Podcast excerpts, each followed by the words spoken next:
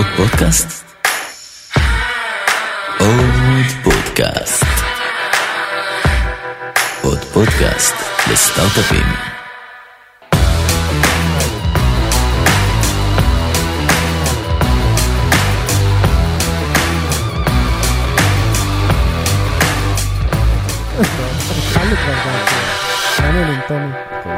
יופי, בסדר גמור. אה, מוזר לי קצת עם המיקרופון היום, אני לא מרגיש בנוח, אז אני אעביר את הכדור לרונה שגב גל, מ TLV Partners שנמצאת איתנו פה. רונה, שלום, מה נשמע? מה קורה, הכל טוב. כיף שאת פה. מעולה. כן. כיף שאת פה. בואי תספרי קצת למאזינים, אה, למי שלא מכיר, עלייך ועל TLV. בואו נתחיל כזה מה pitch מעלית, אני בטוח שיש לכם. pitch מעלית. אז אה, TLV Partner זה קרן שמשקיעה בחברות בשלב מאוד מוקדם. האמת היא, 85% מההשקעות שלנו זה seed. אנחנו, חצי מהיזמים זה יזמים שהם first timers. תחומים שלנו זה בעיקר B2B infrastructure. אמ, זהו, שמים סכומים די גדולים בסיד. אה, אוהבים שווקים חדשים, אוהבים רעיונות קצת אחרים. בואו נדבר קצת על קצת מספרים, על הבסיס של הקרן, כמה גייסתם לקרן הראשונה, אז- כמה השקעות עשיתם. אז הקמנו את הקרן לפני ארבע וחצי שנים, הקרן הראשונה הייתה 110, לפני שנתיים גייסנו אה, 150, קרן שנייה, וקרן שלישית עוד מעט תוכרז, עוד 150. או, מזל טוב, אחלה. כשהפרק ישודר, אני כבר אומר, זה יהיה אחרי ההכרזה. All אז, news. אה, אז אה, אה, לא לא להתאכזב, אנחנו לא לוקחים את הסקופ הזה איתנו. אה, אוקיי, אני רוצה קצת לחזור אחורה, כי במקרה שלך את ככה מצטנעת לנו וסוחטת ממני שאלות טוב טוב. תספרי קצת על הרקע שלך ושל איתן, בסופו של דבר באתם אה, משנים בקרן לגאסי ישראלית, איך הגעת, איך התגלגלת גם לתחום, קצת על הרקע האישי שלך. אז הרקע שלי זה, אני, תמיד אני אומרת שאני ירושלמית, זה איכשהו נראה לי משהו שחייבים לציין אותו, יש לו משמעות. אה, הייתי ילדה ירושלמית, חננה כזאת טיפוסית, אה, הצילו אותי בכיתה ז', העבירו אותי לליאדה, זה היה בית ספר של החננות בירושלים, מי שמכיר, שזה ממש הצלה לילדים ה... זה- שם הלא מדהים, משתלבים ב- ביסודי. זה שם מדהים לידה, ליד האוניברסיטה. ליד האוניברסיטה. זה כן. בית ספר שהוא ליד האוניברסיטה. ליד האוניברסיטה. אז ממש אספו אותנו אחד מכל כיתה והצילו את חיינו. אה, זהו, כשהייתי בערך בת 15-16 אבחנו אצלי הפרעת קשב מאוד קשה. לא, זה לא מצחיק, שמלווה אותי עד היום. אוקיי, אז את אומרת לא לצחוק, סליחה. לא לצחוק, זה לא יפה, אנשים יש להם חולשות, הם מתוודים. והפרעת הקשב הזאת באה לידי ביטוי בכל מיני דברים. אחד הדברים שהיא באה לידי ביטוי, שאני חושדת שזה טיפונת אספרגר, אני לא בטוחה, אבל זו הבנה די טובה של החוקים וחוסר יכולת טוטאלית to follow them, שגרם לי כמובן לבעיה קצת קשה במסגרות. למשל, הצבא היה דיזסטר. אני חייבת להגיד שאני בצבא לא הלכנו יד ביד, וגם האוניברסיטה זה לא היה איזה הברקה. אה, למרות שהיו כל מיני פרופסורים שמאוד אהבו אותי וזה, אבל פרשתי לפני שסיימתי את התואר הראשון המרשים שלי בפסיכולוגיה ופילוסופיה.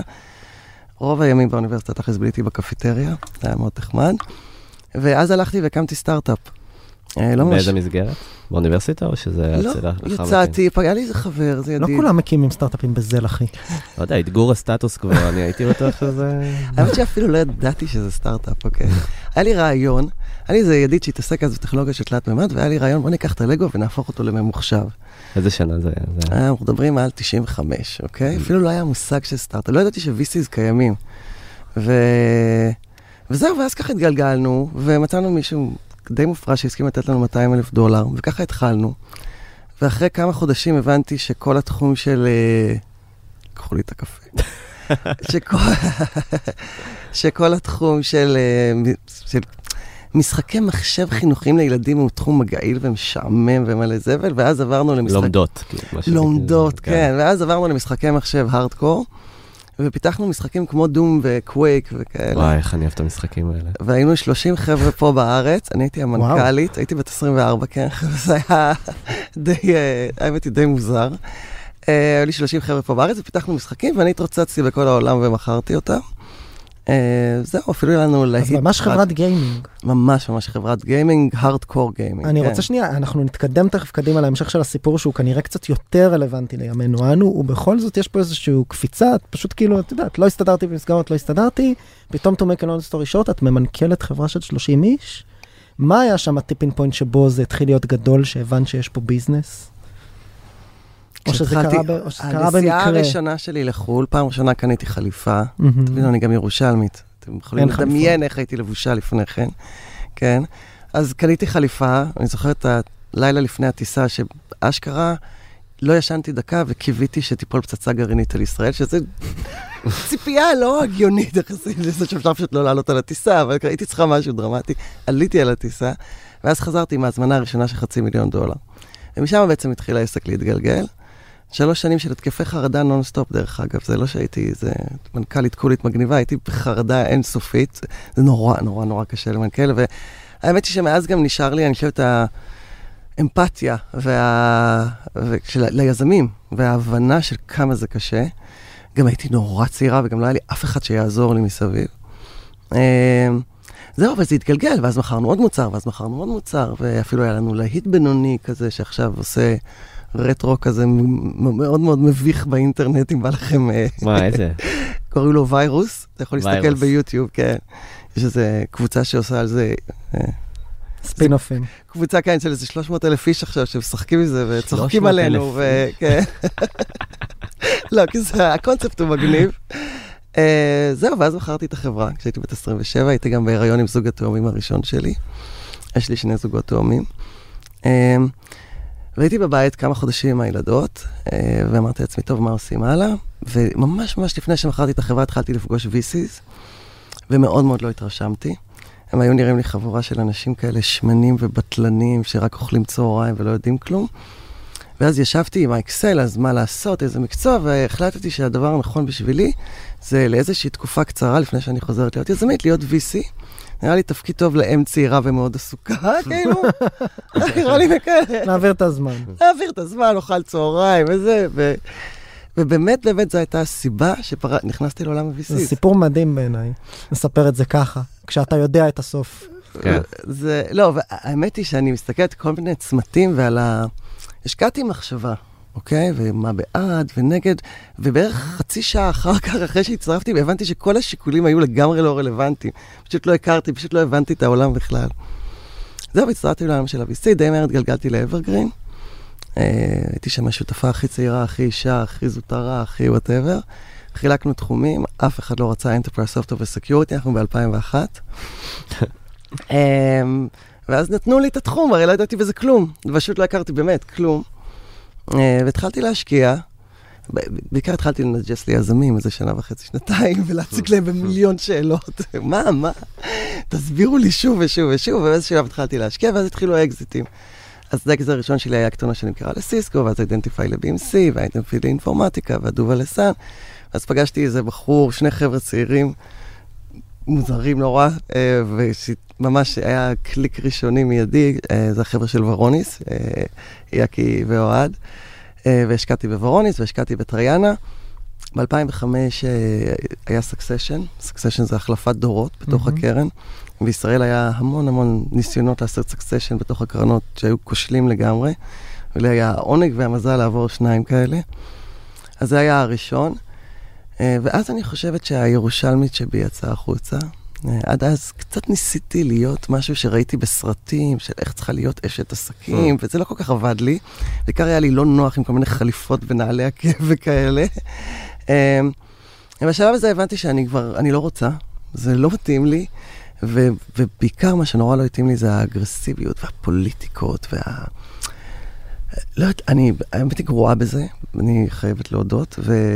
ו, ו אז כשאתה גרוע בזה, אתה גם לא אוהב את זה, אתה לא נהנה, ואתה גם תמיד מפסיד, ולא... וגם האמת היא, לא הצלחתי להבין למה צריך את זה. נראה לי שאתה איזה- גם לא מרגיש עצמך קצת. איזה- איזה דוגמאות, איזה פוליטיקות את רואה בעולמות האלה? אני יכולה להגיד לך שאחד הדברים, נגיד, שכשהקמנו את תל אביב, לי היו נורא חשובים, זה, ואני מדברת על זה עם יזמים שמגיעים, אני קוראת לזה ה-short term optimization, וזה שנכנסים שני אנשים לחדר, ואחד מהם חייב לנצח, ולא משנה על מה נושא השיחה, ולא משנה מה יהיו התוצאות אחר כך.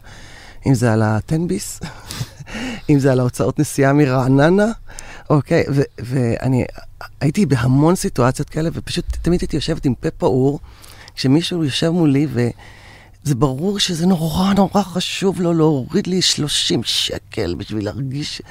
וכאילו הייתי מסתכלת ואומרת, הבן אדם הזוי. רגע, רק להבין, זה בתוך דינמיקה של קרן הון סיכון, כאילו בין שותפים? בתוך דינמיקה של קרן, בין קרנות לבין יזמים, בתוך חברות של יזמים גם, זה, זה, זה איזושהי התנהגות אנושית של התנצחויות בעצם. שנשלטת על ידי אגו. זה אפילו לא גריד, כי כמות הכסף שמדובר היא בדרך כלל שולית. כן. זה פשוט אגו שמישהו יושב והוא יראה לך שהוא עושה מסע יותר טוב, הוא יותר חזק. והרבה פעמים זה הרסני לגמרי. אה, קדימה. אז מה האנטידוט? מה מה גילית ש... אותנטיות בעצם? שזה ממש ממש בסדר להשאיר דברים על השולחן ולהגיע ל... כאילו, הרבה יותר קל ונוח. בוא אני אגיד לך ככה, קודם כל לעשות איתי משא ומתן זה נורא קל. כאילו, הדבר היחידי שאני אלחם עליו ממש, אם תבקש ממני, זה את הילדים שלי. אף אחד מעולם לא רצה אותם, אז מעולם לא הגענו לסיטואציה הזאת, אוקיי? כל השאר, נשב, נבין אחד את השני, נגיע לפשרה. כמה זה מסובך. אוקיי, אתה צריך להגיע מרעננה לעבודה, יש איזה הוצאות נסיעה שאתה צריך, אין פה הרבה מה לעשות משא ומתן, זה לא שווה את זה. כן. אוקיי, אתה צריך גם לאכול, אני רוצה שתאכל בריא, נכון? כאילו, המון מהדברים הם פשוט לגמרי לגמרי ויכוחים מיותרים. אה, ואני פגשתי פעם חברה שנגיד היה, לפי המעמד בחברה, וזו הייתה חברה של 40 איש, היו שם 10, 10 מעמדות, 10, 10, לא יודע, whatever. מהמם. כל, היה גודל של מסך שיכלת לקנות לחדר, הוא גדל באינץ'. עכשיו, אתה קולט לגמרי, אין לזה שום ערך כלכלי, אוקיי? זה, זה רק, רק, רק אגו. אמ, אנחנו כל כך גדלנו, אנחנו כל כך התרגלנו לתרבות הזאת, שאפילו קשה לדמיין שאפשר אחרת. כן. ואחד הדברים שהיו לי נורא נורא חשובים לנסות לפחות, זה לנסות להוציא את זה, לנסות לבנות תרבות אחרת, להוכיח לעצמי שיש אור בעולם, להוכיח לעצמי שאפשר בצורה אחרת גם לעשות דברים. אמ, וזה גם הרבה יותר כיף, לי גם, לא רק, אה, אני חושבת שגם לאנשים. והתחנה הבאה שלך בתוך הסיפור הזה היא פיטנגו? אז הגעתי לפיטנגו, ופיטנגו האמת היא, זה, זה, זהו, ואז עזבתי את Evergreen, התחילו ריבים שם, התחילו זה, אני, זה לא התאים לי. לא ולשם. הבאת flavor. לא, לא, ושמה, לא, אבל אז הבנתי כבר שאני לא רוצה להישאר במקום שאני לא מחייכת, אוקיי? אני בן אדם שמחייך הרבה, אני בן אדם יחסית שמח, אני רוצה ליהנות מהחיים שלי. החיים זה לא להגיע לאיזושהי נקודה, החיים זה כל הדרך, כל הזמן שלוקח לנו להגיע לנקודה ההיא. ולכן זה חשוב נורא ליהנות מהדרך. ועברתי לפיטנגו, פיטנגו ארגון מאוד נעים ונחמד.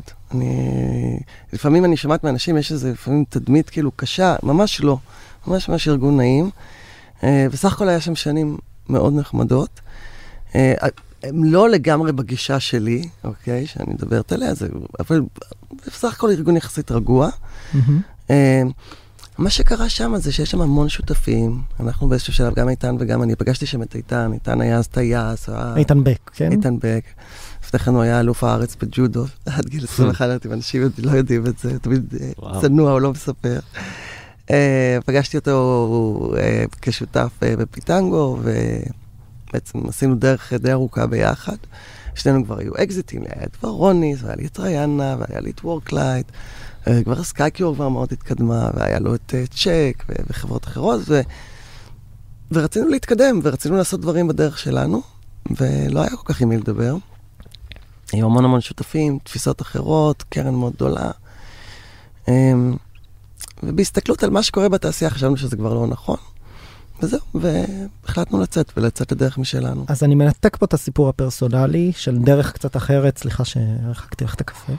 אה, אני, את דרך פרסונלית וכולי וכולי, אני מניח שזה קצת יותר ברמה האישית. שנייה, דווקא ברמה של התעשייה, אמרת, התעשייה השתנתה, הרגשנו שיש מקום, הרי בעצם זה גם מה שעשיתם, הרגשנו שיש מקום לעוד קרן וכולי. מה זיהיתם בתעשייה שקרה שגרם לכם לצאת ולהקים את TLV? קודם כל, אני חושבת שא', המהלך שא' עשו די זה, זה הייתה תעשייה. די הראו לכולם שקודם כל אפשר.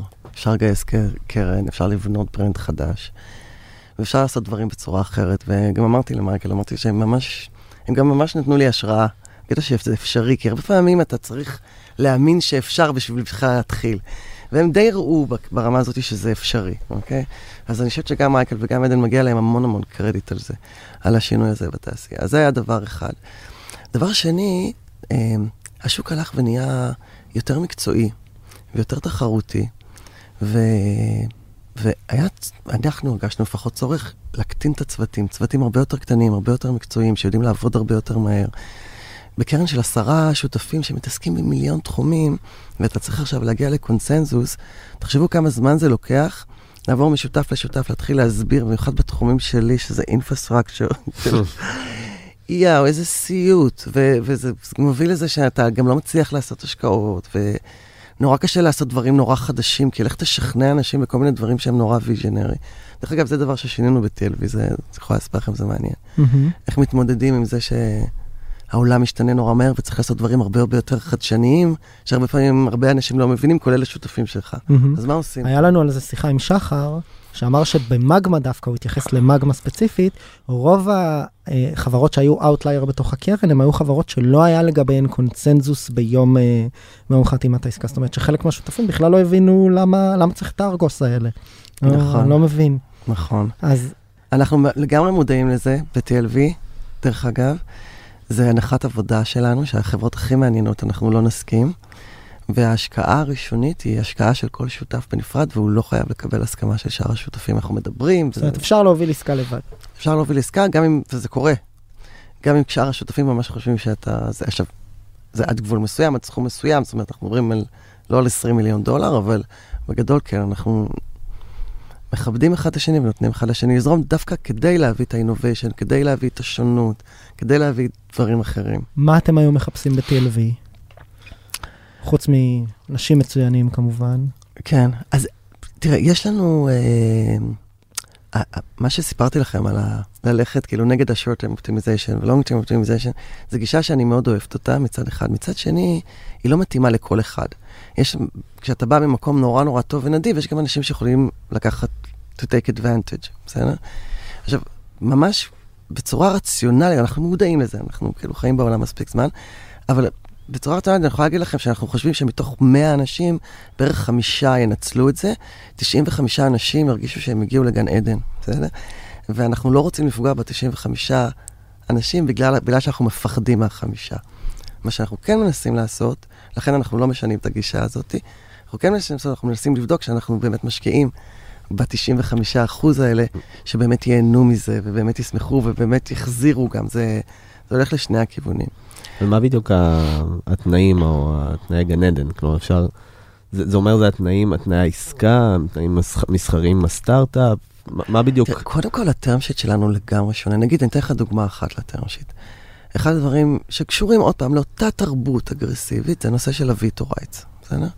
מאיפה זה מגיע? כל קרן משקיעה, ואז היא אומרת, אני אגן על עצמי ועל ההשקעה שלי, ואני אבקש veto rights, אסור לעשות ככה, זה צריך לקבל את האישור שלי. עכשיו, זו מחשבה נורא לטווח קצר.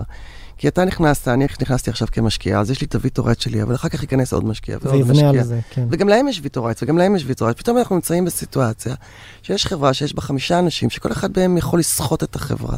עכשיו, גם אם הוא לא עושה את זה, אוקיי, והוא לא יכול, והוא לא סוחט, עדיין כשאנחנו יושבים לשולחן ועושים דיון, לכל אחד יש veto right בכיס. אנחנו זה כבר... בסוף נכ- פוגע במהירות של הסטארט-אפ אה, זה- ב velocity בעצם. זה, זה גם מייצר דיון הרבה יותר אגרסיבי ואלים, עם הרבה פחות נכונות לשתף פעולה, כי כל אחד יודע שיש לו את נשק יום הדין, אוקיי? זה כמו חימוש גרעיני כזה, בסדר? כן, מרוץ ל... מרוץ ל... למי יש את ה... כן. כן. ו... וגם הרבה פעמים, כן, הרבה פעמים גם יש אנשים שלא מתביישים לזרוק את הפצצה הגרעינית. בסדר? ואנחנו שומעים על זה סיפורים. אני, ו- ועוד פעם, זה, זה נובע מתוך פחד שיעשו לי משהו ואז אני אוכל להגן על עצמי, ואז בעצם מייצרים סיטואציה שהיא אלימה והרבה יותר מסוכנת לכל הנוכחים. אז אחד הדברים שעשינו זה ביטלנו את ה veto rights. בכלל. זה לא הולך בכלל, כי אתה חייב לייצר מנגנון שיש לך, שה board לא יכול לקבל איזה החלטה שהוא רוצה בלי שה shareholders יוכלו להגיד משהו. זה גם מגן על היזמים, כי באיזשהו שלב ה board הוא לא בשליטת נכון. היזמים יותר. החל מסבב אה, B ומעלה כנראה. נכון, והרבה פעמים גם הוא כבר מפסיק לייצג את ה shareholders, צריך איזשהו מנגנון של בקרה, ותמיד צריך איזשהו מנגנון של איזון, אבל ברמת ה veto זה כל ה shareholders ביחד מקבלים החלטה לעשות וטו, ולא כל אחד בנפרד. סתם דוגמאות כאלה, אבל כל ההתנהלות בקרן היא מאוד down to earth, כאילו אף אחד לא חשוב, אף אחד לא יודע, אנחנו מדברים, יש בעיה, יושבים, פותרים אותה. אנחנו מנ... מאוד מנסים, זה באמת בא לנו מאוד טבעי גם, זה לא... אה, יש עוד משהו בתנאים של יזמים שאת רואה שיוצר את התקדימים האלה? שאחרי זה איזה מלכוד ליזמים בסוף? אני אתן לך עוד דוגמה, ה-liquidation preference, בסדר? אתם יודעים מה זה liquidation preference. אני שנים ניסיתי להסביר ל-CFOs בקרנות שעבדתי איתם גם באברגרין וגם בפיטנגו, שלא שווה למשקיעי סיד לבקש preference. זה יוצר ווטרפול מאוד בעייתי אחרי זה לדעתי. על המשקיע... פשוט. המשקיעי סיד, מבחינת האינטרס הפיננסי שלהם, הרבה יותר דומים ליזמים מאשר למשקיעים שיבואו אחר כך. נכון. לעולם לא יקנו מניות, hopefully, במחיר כל כך נמוך כמו שהם קנו. אין להם שום אינטרס שאי פעם יחלקו כסף על סמך כמות כסף, תמיד הם רוצים שיחלקו כסף על סמך מניות. מהמם. זה נורא פשוט. זה הסבר נורא פשוט, אני גם יכולה להוכיח אותו, גם הוכחנו אותו. אני לא הצלחתי להעביר את זה, כי עוד פעם, בגלל ה-short term, כי מה שהם רואים מול העיניים זה, כן, אבל אני אקבל פעמיים על הכסף. אף, אבל, כן, אם החברה תפסיק לגייס, אבל אחרי שכל השאר גם ימשכו את שלהם, כי יהיה להם קלאסים יותר, בסדר, זה דיון משפטי זה דיון שדורש שנייה צלילה לעומק לאיך נראה מבנה המניות של חברה. נכון, אבל זה כאילו, אם אנחנו חושבים טיפונת קדימה וקצת יותר גדול, מבינים עוד פעם שהאינטרסים שלנו... אז את יודעת מה, בואי מיני נסביר, נסביר רגע שנייה על liquidation preference ואולי קצת על קלאסים של מניות, אם נעשה על זה פינג פונג את ואני, כדי שמי שמקשיב אוקיי. יבין. אז liquidation preference ב best practice, אם את יכולה להסביר רגע מה קורה בדרך כלל. אז liquidation preference בעצם אומר מי מקבל כסף קודם כשמגיע- כשיש אקזיט. נכון. אוקיי? וגם ואז בדרך כלל עם איזשהו מכפיל.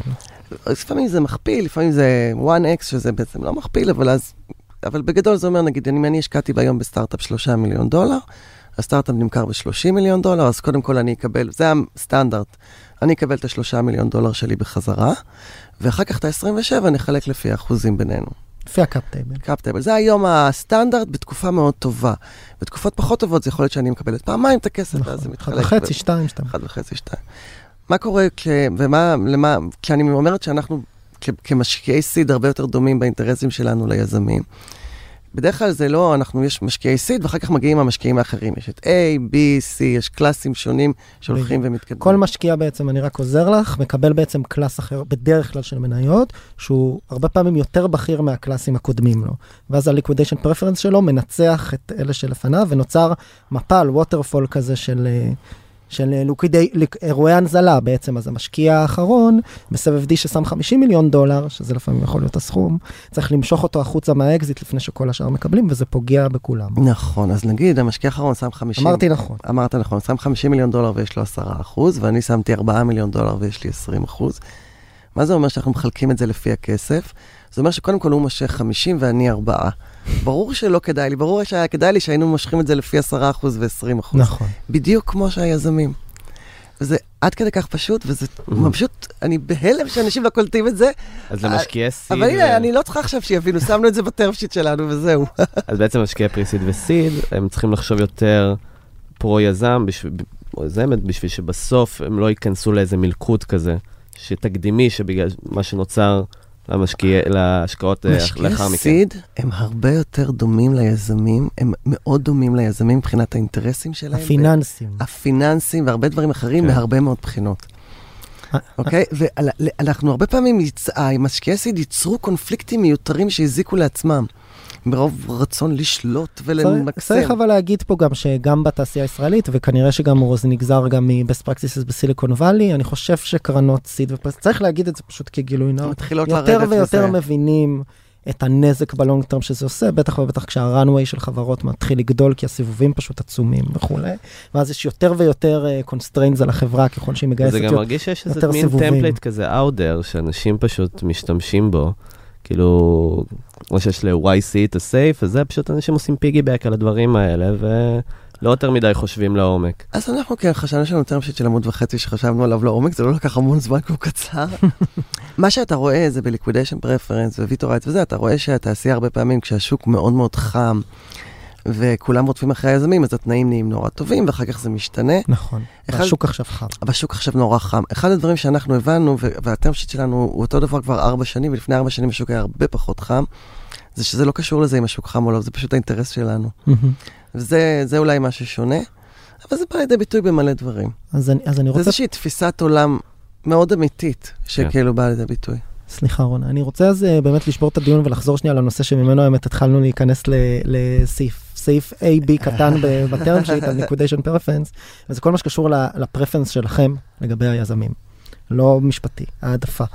איך אתם, אתם בדרך כלל הרי משקיעים גם, אתם יכולים להשקיע גם ביזמים עם מצגת. נכון. איך עושים ולידציה בשלב כזה? מה אתם מחפשים? זה נראה לי מה שאני שואל. אני חוזר שנייה במטה, מקשיבים לנו פה יזמות ויזמים בתחילת הדרך. איך הם צריכים, איך הם יכולים לדעת אם הם מתאימים ל- TLV Partners? אמ, תראה, קודם כל יש לנו תחומים שאנחנו משקיעים בהם, בסדר? אז כאילו, לבוא אלינו בדברים שהם לא בתחומים שלנו בצורה דרמטית, נגיד, קונסיומר זה פחות הקטע שלנו, מובייל אפס, כן, אדטק. אבל אם זה יותר בתחומים שנגיד אצלי זה מאוד מאוד חזק Cloud ו-Deep Learning, שחר עושה עכשיו כל מיני דברים גם ב-Deep Learning ופרמסוטיקל וביולוגי, כאילו, אם זה, אז זה מאוד מאוד יכול להיות רלוונטי. אה, אנחנו מחפשים אה, אנשים שמצד אחד הם מאוד מבריקים אה, ו- וחזקים במה שהם עושים, מצד שני נורא חשוב לנו, וזה נשמע מוזר, וזה באמת, שהם יהיו very likable. לא, אנחנו הולכים לעבוד איתם המון שנים. אני גם באמת מאמינה שאנשים שהם לייקבל ושהם נחמדים, אני, יותר קל להם. אנשים רוצים לעבוד איתם, וגם לנו פשוט כיף לעבוד איתם. ונורא חשוב לי שהם יהיו צנועים. אמ, כי אני באמת מאמינה שהעולם היום משתנה נורא מהר, ודברים זזים נורא מהר, ולחשוב שאתה יודע זה אולי הדבר הכי מסוכן שאתה יכול לקחת איתך, כי אתה מקים משהו. ודווקא לבוא ממקום צנוע ופתוח, שחושב ומוכן לשמוע, אז זה נורא נורא נורא חשוב מצד אחד. מצד שני, כן נורא חשוב לנו שהיזמים ינהלו את החברות שלהם. יש איזשהו מעגל של uh, אחריות, סמכות, שחייב חייב להישאר. מי שמקבל את ההחלטה, בסופו של דבר, זה גם זה שלוקח את האחריות על ההצלחה שלה או לא, זה... ש- ועבורכם זה היזם, זה בטח לא המשקיע. לא, כי אני לא לוקחת אחריות אחר כך, אני רק יושבת בבורד, כאילו, זה, זה, אני אסור לי לקחת אח, החלטות, זה מאוד מאוד חשוב שהנהלה, זה אפילו לא יזם, זה הנהלה תיקח החלטות. אמ, למרות שאני אומרת וזה, אבל יזם גם אומרים לי שטויות, יש כאילו דיונים מאוד מאוד פתוחים, שאנחנו מאוד אוהבים אותם והם נורא טובים, אוקיי? של brainstorming ושל חשיבה וזה, ובגלל שזה בתחומים שאנחנו מכירים טוב, אז גם לא תמיד, אבל לפעמים גם אפילו יש לנו דברים תבוניים להגיד, אוקיי? לא סתם סיסמאות, שזה גם חשוב. שהדיון לא יהיה ברמה של סיסמאות, אלא אשכרה דיון אמיתי על דברים שקורים בחברה ו- ומחשבה פתוחה אמיתית. אמ, אנחנו משקיעים בשלב נורא מוקדם, אנחנו בשלב של לחפש את ה product market fit. והשיטוטים והחיפושים והשינויים. זאת אומרת, עוד לפני שיש product market fit. הרבה כן, פעמים. הר- בדרך כלל. ואז נו, הקטע הזה של הפתיחות והיכולת הזאת לזוז ולא להיתקע באיפה טעינו, שזו שאלה שאני, או שומעת אותה, אני מצטמררת, זה מין הביקורת הבונה, שאני כאילו, לא, אני לא יכולה לעמוד בזה, באמת, כי זה גם לא מעניין בכלל. כאילו, אז מה, כן, זה חלק מלנסות דברים חדשים וללכת לכיוונים, זה שחלק מהם לא יצליחו, זה לא טעות בכלל, זה חלק מתהליך של חיפוש. אבל זה מצריך אנשים שהם פתוחים, שהם לא, אני אומר ככה, זה בטוח נכון, אלא יאללה, זורמים, מהמם. בודקים, זזים, מנסים דברים.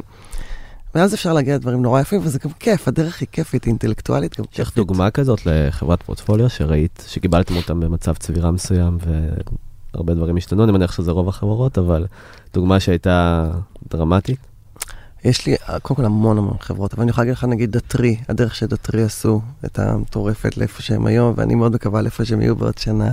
אני חושבת שהם אה, ממש מצאנו product market fit ועכשיו הדרך. אבל זה לקח זמן, לקח זמן, והיה כל מיני... אה, חברה אחרת, זה Run:AI, שגם עשתה דרך מאוד מאוד יפה, ועכשיו אה, מתחילה לפרוץ, ואני גם מקווה ונראה. אה, Aqua זה גם היה מעניין. Aqua זה חברה שהשקעתי בה לפני ארבע וחצי שנים. זו הייתה החברה הראשונה של TLV. אמ, וכשהשקעתי בה אף אחד לא ידע מה זה Docker. אה, ומה זה קונטיינר, אז אנשים אשכרה חשבו, כולל בעולם של ה-R&D, שקונטיינר זה, זה, זה קשור ל shipment, כאילו, הדברים הגדולים האלה מהברזל. ואני זוכרת שה diligence היה די מזעזע, וגם אחר כמה חודשים נסענו לארה"ב, וכל ה-VC זרקו אותנו מכל המדרגות, ואמרו לנו ש Docker, מי שכבר הכיר בכלל, אז אמר ש Docker החברה תהרוג את כל השוק ואין שום סיכוי להתחרות איתם. וחזרנו קצת עם הזנב בין הרגליים. אה, זהו, ו-the rest is history, אבל גם, איך יוצאים מהמצב הזה של... אתה נמצא, בש... בהתחלה היינו רק קונטיינר, עכשיו אנחנו עושים security לכל ה-Cloud Native, ואיך מתמודדים עם מתחרה שפתאום נעלם, לא משנה, מהמ. זה שווקים גם... אנחנו גם, אם תסתכלו על הפורטפוליו שלנו, תראו שאנחנו מש, משקיעים המון בשווקים שעדיין לא קיימים, בשווקים חדשים. אז נגיד, אה, run AI זו חברה שהולכת על שוק ה-Deep Learning ואומרת לחברות, להרבה מאוד חברות, יהיה תשתיות מאוד גדולות של Deep Learning שהם ינהלו, אה, של Machine Learning שהם ינהלו. זה לא קיים עדיין, זה מתחיל להיות קיים. אז איך מקבלים לדבר כזה ולידציה מהשוק? מאוד קשה אם זה לא קיים. זה מאוד קשה.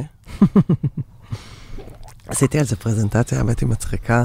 עשיתי את זה גם בכמה corporates מאוד גדולים, וגם למשקיעים שלנו, על איך כל תהליך ה due diligence השתנה. כי אם פעם אה, היינו הולכים ללקוחות ושואלים אותם, אז היום אנחנו הולכים ללקוחות ושואלים אותם על שווקים חדשים, והרבה פעמים אין להם מושג על מה אנחנו מדברים, או שהם חושבים שזה ממש לא מעניין. עד שקרה. כן. ואז גם איך אני בדיוק עושה market sizing, איך אני עושה גודל שוק. על מוצר שאנשים חושבים שלא צריך אותו, הוא לא מעניין, בכלל? או שבכלל לא מבינים למה אני מדברת על זה. אפשר בכלל? או שבסוף זה כזה כמו פעם קראתי שבאינטל הם מעסיקים, אה, ואני לא אומר את זה בלעג או בתוכחה, הם מעסיקים אה, סופרי מדע בדיוני כדי שינסו לתאר את המציאות כפי שהיא תהיה בעוד 10 ו-50 שנה, כי זה בסוף אה, תהליך רך של הפעלת הדמיון ואיזושהי הפעלת תזה על המציאות, ואז לבוא ולהגיד, אוקיי, כולם השתמשו ב-Machine Learning וב-AI, ואנחנו נצטרך לבנות לזה תשתיות. אז הנה דוגמה למשהו שאנחנו מכוונים אליו. אנחנו לא יודעים אה, לכמת את זה בעשרות ביליונים. אני יכולה להגיד לך אם זה גדול או קטן, זהו. נכון. אנחנו לא מעסיקים אה, אנשי מדע לא, בדיוני, מה- אנחנו לא. עושים את זה בעצמנו. אז, אבל, אבל, אבל זה, זה- התהליך המנטלי, של זה- ככה זה- העולם כנראה ייראה. זה לגמרי תהליך מנטלי שמשלב דמיון, משלב כל מיני יכולות שלא היו מקובלות בתהליך due diligence, שהן לא רק אנליטיות. אה, ושם הקטע של האנשים נהיה קריטי, והפתיחות, כי הש... השווקים האלה נוצרים לנו מול העיניים, והם משתנים כל הזמן. אז uh, כל הזמן צריך לזוז בתוך השוק. Uh, זה גם מעלה שאלה מעניינת של מה זה אסטרטגיה לטווח ארוך בשוק שמשתנה לך כל הזמן וזז, איך בכלל בונים דבר כזה ואם יש טעם לעשות את זה. Uh, זה מעלה הרבה שאלות איך מעניינות. אתה יודע שיותר מדי הקדמת את השוק, או שמהצד השני, שאתה יכול דווקא, שיש לך חלק אסטרטגי ביצירת השוק? כלומר, תהליכים מסוימים שאתה יכול לעשות בשביל להעלות awareness ולייצר terms ותנאים שבעצם אה, מוכנים להבשלה בתוך החברות והארגונים האלה. שני המקרים האלה הם מקרים לא טובים. אחד זה שאתה מייצר שוק, שזה היה לי בוורוניס, שזה היה שבע שנים סופר קשות, שבעצם וורוניס הייתה לבד בשוק, וכל הזמן רצה לחנך את השוק ולספר, זה היה מאוד מאוד קשה. אני חייב להגיד לך שבמקרה של Aqua זה היה הרבה יותר קל, דווקא שהיה לנו את Twistlock, כי הם ייצרו לנו שוק ואנחנו ייצרנו להם. אמ, ודוגמה אחרת זה PureSec, שהשקעתי בשוק ה serverless מתוך האמונה שזה יעוף לשמיים, וזה לוקח הרבה הרבה יותר זמן ממה שכולנו חשבנו. מהמ. רואים את זה גם עכשיו קצת ב automotive, מדברים על זה. רואים את זה גם, ב automotive, כתבות אחרונות, לפחות לפי פרסומים בתקשורת, מה שנקרא. אני רוצה לשאול קצת אה, מעבר לרכיב האישי שיהיו גוד גייס ושווקים שאתם מדמיינים ויש לכם תזה עליכם, איך נראה תהליך השקעה איתכם? היום זה באמת כל משקיע מוביל, זאת אומרת, אם אני יוצר קשר עם רונה זה לא כדין ליצור קשר עם איתן ושחר?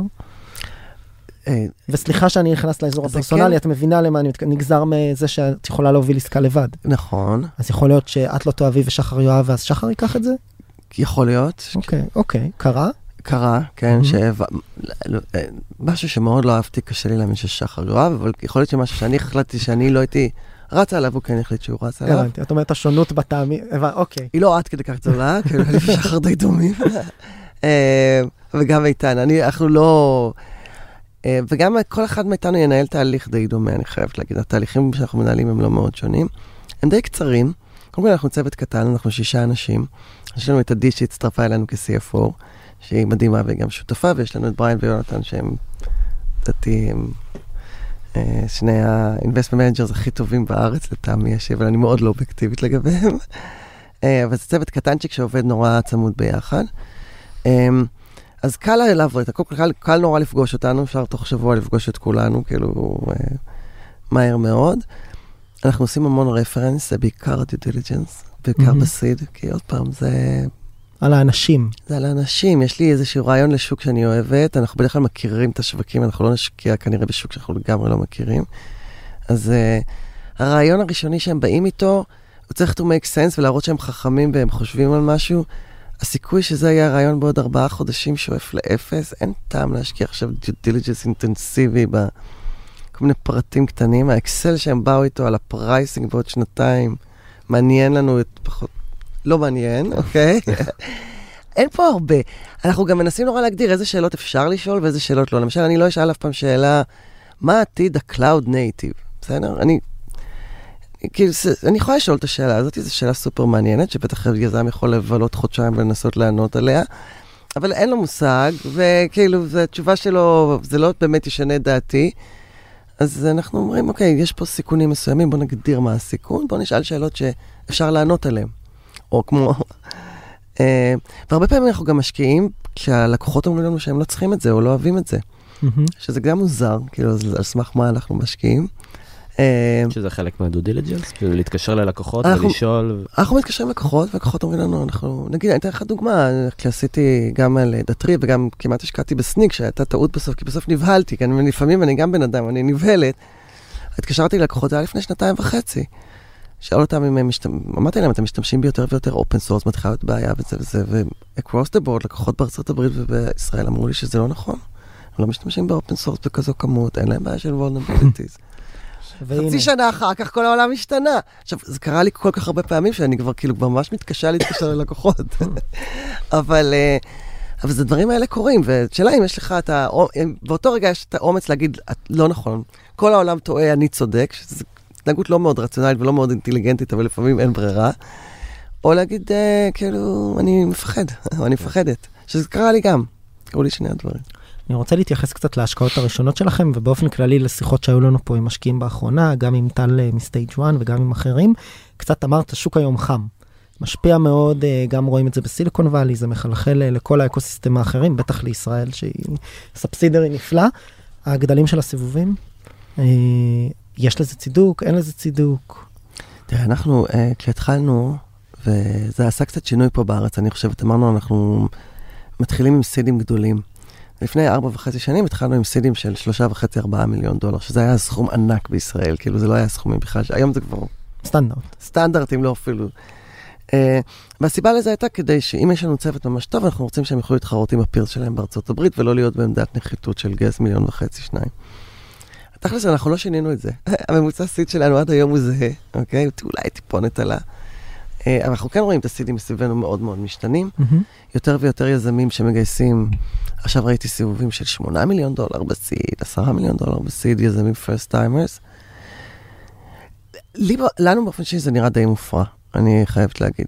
מהמ. יש איזה תהליך של החיפוש של ה product market fit והוולידציה הראשונה, שלא צריך בשבילו כל כך הרבה כסף, מה שצריך זה כן להיות אה, צנוע, להיות מרוכז, לעבוד, צריך מספיק כסף בשביל לפרוץ קדימה, אבל לא 8 מיליון דולר בשביל... אה, זה יכול לפגוע ב- ביזמים בסוף?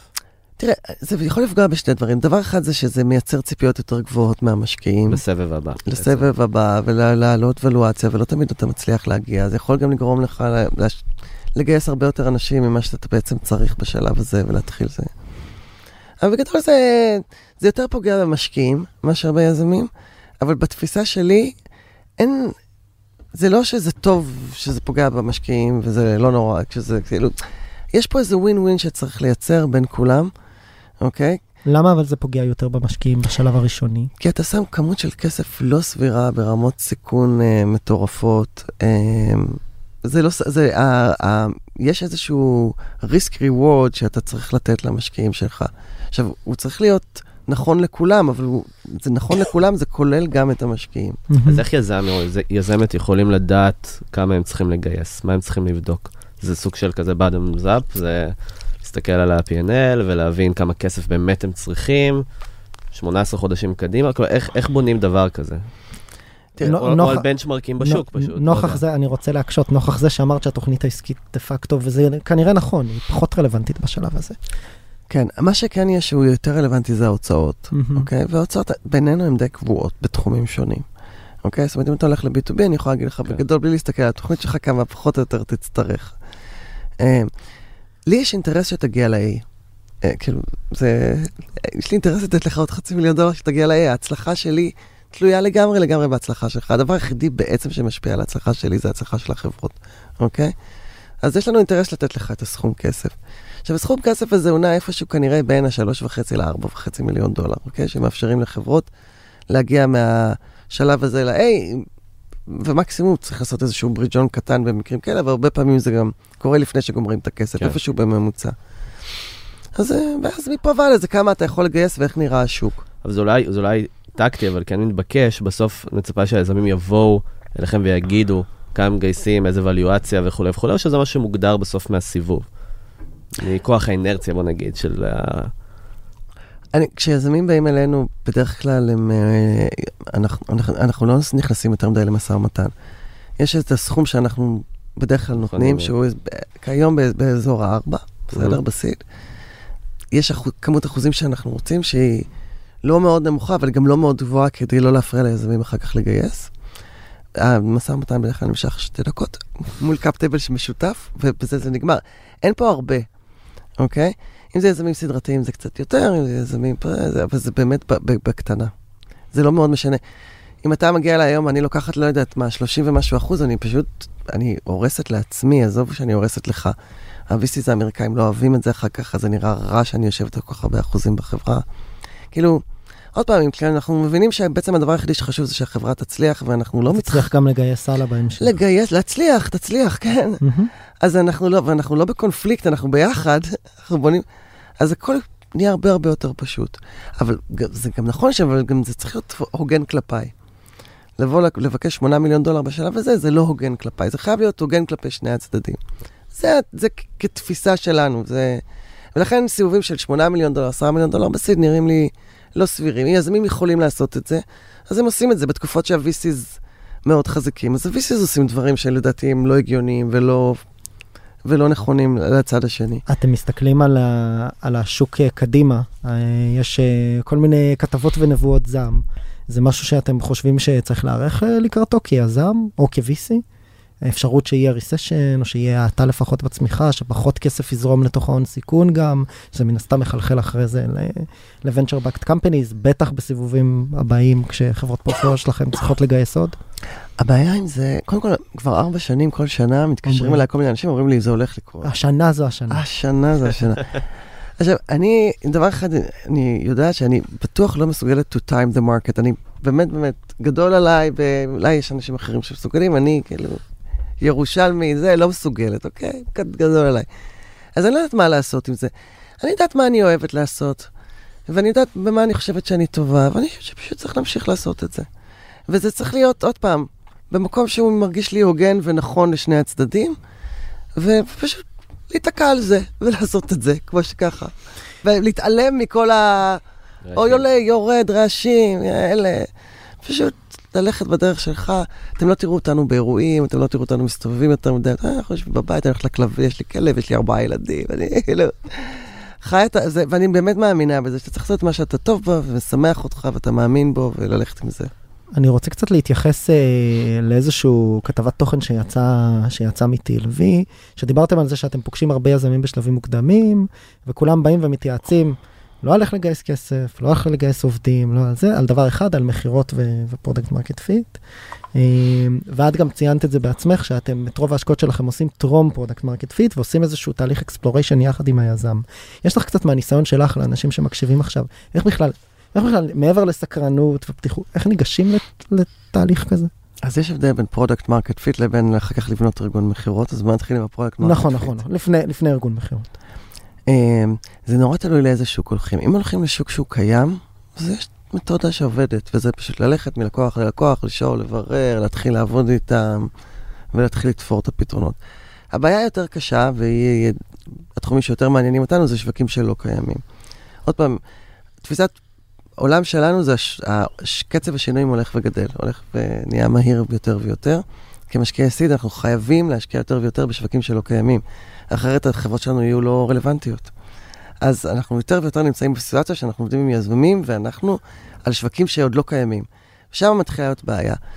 אתה הולך ללקוחות, הם הרבה פעמים או לא מכירים, או אם הם מכירים משהו מאוד בסיסי, הם צריכים כרגע את הפיצ'רים הכי בסיסיים. ופה צריך, חייב להיות שילוב של vision, אוקיי? יחד עם הפידבק, וקצת סבלנות. אה, זאת אומרת, מצד אחד, לא לזלזל בזה שלקוחות כרגע רוצים דברים פשוטים, הרבה פעמים דברים פשוטים הם נורא טובים, אני בעד דברים פשוטים. אה, מצד- אבל מצד שני, חייבים את ה vision של לאן העולם הולך, חייבים לבנות את זה, ולבנות גם את ה marketing וגם את המוצר למה שאנחנו מאמינים שיגיע בעוד שנה, כי כשזה מגיע זה בום, זה, אם זה ההימור היה מוצלח.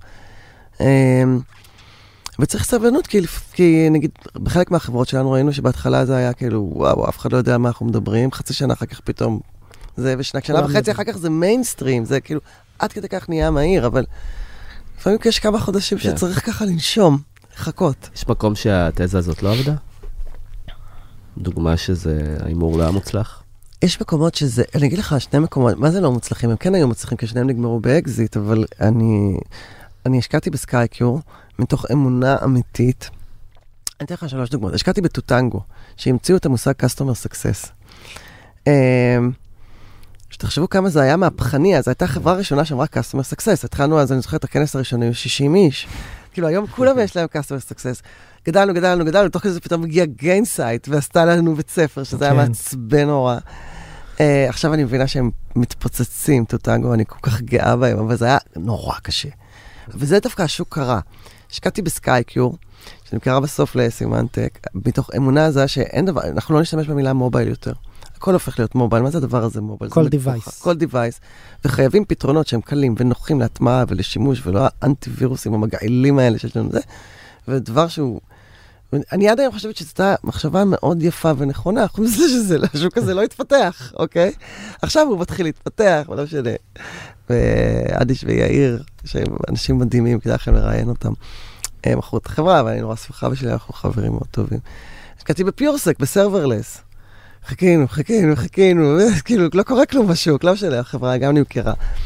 אבל זה לא מקרים שהם מבחינתי הם היו הצלחה, נגיד אקווה זה הצלחה מטורפת, ורוניס היה יאקי, הוא פשוט מסוגל להרים הרים, אז הוא שם בנה שוק, אבל זה הדברים שכאילו, זה ההצלחות כאילו הענקיות, אבל אה, אין לי מקרה שהימרנו על שוק והוא פשוט טעינו לגמרי באזימות לא נכון. אה, אני חושבת שזה בגלל שאנחנו... אה, לא משקיע, אני לא אשקיע אף פעם ב... יש לי תחושה שבתחום הרובוטיקה מחר יהיה, יהיה עין אה, מנצנצת. אני לא מבינה את התחום, אין לי שום אינטואיציות ושום תחושות. אני לא אנסה לפתח שם איזשהו vision. בתחומים שלנו, שאנחנו חיים אותם לעומק, כן. אז אתה כן יכול לפתח איזושהי תחושה מאוד ברורה למה הולך להגיע. אז בעצם עבורך כמשקיעה בתחום זה לדבר עם השוק כמו שאמרת עם הלקוחות אבל גם להבין שאת לא הלקוח זאת אומרת שאת יכולה הרבה פעמים להסתכל על משהו שהוא לא מסתכל עליו אפילו כ pain point מרכזי ולהגיד כנראה שזה בעיה שתתפוס אותו בעוד שנה שנתיים כדאי שאני אשקיע עכשיו בזה זה אולי נשמע אבסורד או non obvious אבל אם זה יצליח וההימור נכון והצרכים שלו יפגשו את הפתרון שלי בעוד שנתיים יהיה פה יהיה פה יהיה פה. אני חושבת שאין ברירה היום ליזמים אלא לעשות את זה. מהמם. אני חושבת שיזמים שמנסים כל הזמן לרדוף אחרי בעיות שיש היום ללקוחות, הם תמיד יישארו מאחור. הם תמיד יישארו מאחור. אני חושבת שהדברים קורים היום כל כך מהר, תסתכלו על כל מיני טכנולוגיות שנכנסו ואיך פח, פתאום שווקים השתנו. אנחנו, חייבים לראות, יש לנו טרנדים, ואני אגיד לכם, נגיד, אחד הדברים שראינו, נגיד, בעולם, אני לא יודעת כמה, אפשר להיכנס לדברים טכניים, נגיד, אבל בכניסה ל-Cloud Native ו microservices, כן. אחד הדברים שהבנו, זה שהכניסה הזאת בעצם גורמת לזה שלקוחות בעוד, כרגע הם כולם מלאי תקווה שזה יפתור להם את כל הבעיות והכל יהיה ורוד. שנה וחצי מהיום הם ייתקלו ב complexity וב scale ובבעיות שהם בכלל כן. לא חושבים. ויצרנו סדרה של חברות שעוזרות להם לטפל בזה, שזה היה סופר קריטי, והיום זו אחת הבעיות הכי מדוברות בתחום. כמה לדעתך זה problem driven מול uh, technology driven? כי הרבה דברים שהזכרת פה זה יותר טכנולוגיות שהולכות להיכנס, כמו bring own device ודברים בסגנון, או server, serverless ודברים, כלומר, כמה, נגיד, תבוא חברה שיותר זיהתה איזה בעיה מסוימת ש, שיכולה לקרות, שהאמצעי הטכנולוגי אולי לא... כלומר, את מבינה את, ה- את העניין? כלומר, כן, אני כמה... אגיד לך, זה שילוב, זה לא זה לא או-או. מהמם. את נכנסת טכנולוגיה חדשה, או נכנס איזשהו ס- דרך אחרת לעשות דברים, והיא מייצרת סט של הזדמנויות, ולכן היא אטרקטיבית, אבל גם סט של בעיות חדשות. Hmm. היכולת להסתכל על הטכנולוגיה החדשה הזאת שנכנסת, ולהבין מה הסט בעיות, לא לפחד להסתכל על סט בעיות, וגם להבין מה יהיה כשזה יהיה בסקייל, שזה מצ- מצריך קצת דמיון, לא דמיון בצורה מטורפת, לא צריך להיות אה, אה, כותב של ספרי אה, מדע בדיוני בשביל אני זה. שמח שטבעתי את הרעיון הזה. אולי בסוף תהיו הראשונים. שעושים את זה. אני חושב שיצרת שוק פה ב... קצת לחשוב שלושה צעדים קדימה ואיזה מילימטר מעל, אז פתאום אתה רואה את הבעיות שיבואו. עכשיו, ההימור זה האם השוק הזה באמת הולך להתפתח, האם הטכנולוגיה הזאת תגיע מספיק מהר. בגדול אתה לא מאוד טועה, אתה לא, אתה יודע, זה לא שאתה מוציא משהו שלחלוטין לא קשור למציאות. מעניין. רונה, איך הכי נכון לגשת אליכם? כיזמים. איך הכי נכון לפנות? פשוט להגיע, לפנות אלינו. פשוט לשלוח אימייל. האימייל שלנו מפוזר בכל מקום. אפשר לפנות, אה, אה, לינקדאין ופייסבוק, אני חייב להגיד, אני פחות מגיבה. כן, מישהו אה, פונה בפייסבוק? פונים קורה? בכל דרך אפשרית. וואטסאפ עדיף לא, אם אתם לא מכירים אותי, זה לא נעים לקבל ביום שישי כן. בערב וזה. אבל אימייל, האימייל שלי מופיע בכל מקום, לשלוח אימייל אליי, לבריין, ליונתן. מה צריך. לצרף? מה צריך לכתוב? לא, מי אתם, מה אתם, מה אתם עושים, אנחנו ישר נגיב. אוקיי, מעולה. עוד משהו ככה לסיום? לא שאלתי אותך, סתם מסתכל עליך. אתה מסתכל. אחלה, רונה. תודה רבה. תודה רבה. תודה לכם. ביי, ביי.